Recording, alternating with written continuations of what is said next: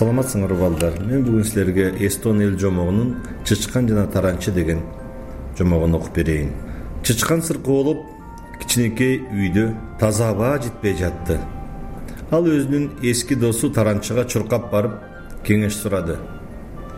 Өз үйүмдө отуруп эле чүчкүрүп калдым деди ал. Таза аба жетпей жатат. Үйүмдү кайтарып отура берген өзүмө зыян болууда башка бир нерсе менен алектенсем дейм.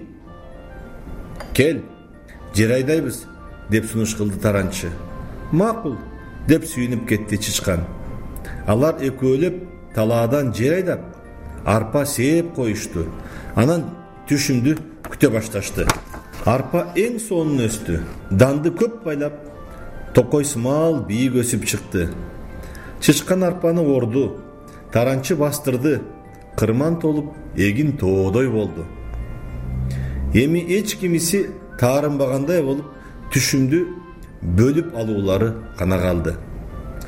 Түшүмдү дан менен бирден бөлүштүрүштү. Чычкан аларды эки бөлөк жыйнады. Ал эми таранчы көз салып карап отурду. Ар бирине абдан эле көптөн тийгендиктен тим эле кампа курчудай болду.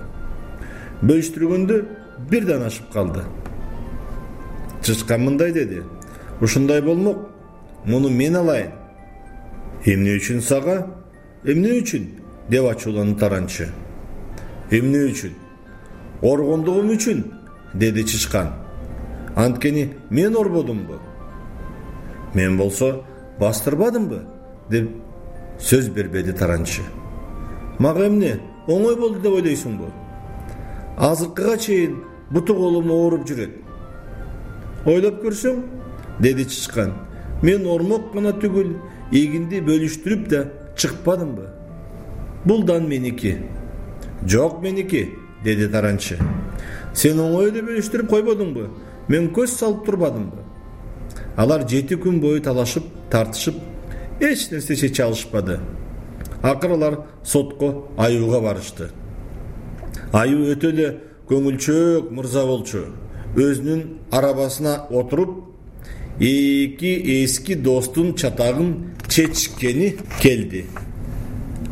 Адегенде ал иштин кандай болгонун укту андан кийин ойлогонго убакыт сурады жана күн бою салкындап ольха токойунун ичинде уктап жатты. Ал жерде ал кээде катуу ойлонуп кээде ачууланып кеткендиктен анын күркүрөгөнүнөн бадалдар да солкулдап турду.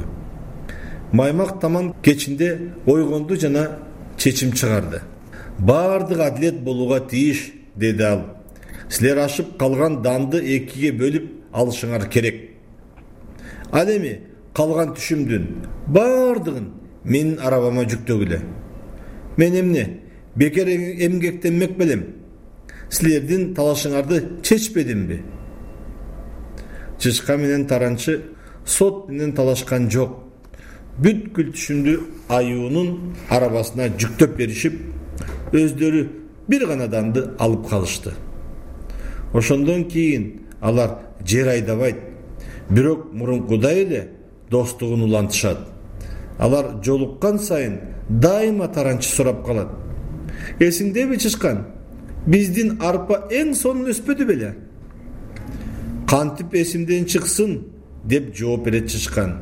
Аюунун биздин эң жакшы соттогонун унута элексиңби? Кантип унутайын? Дейт таранчы андайды унута албайсың да. Жомокту окуган темир сариев экономика министри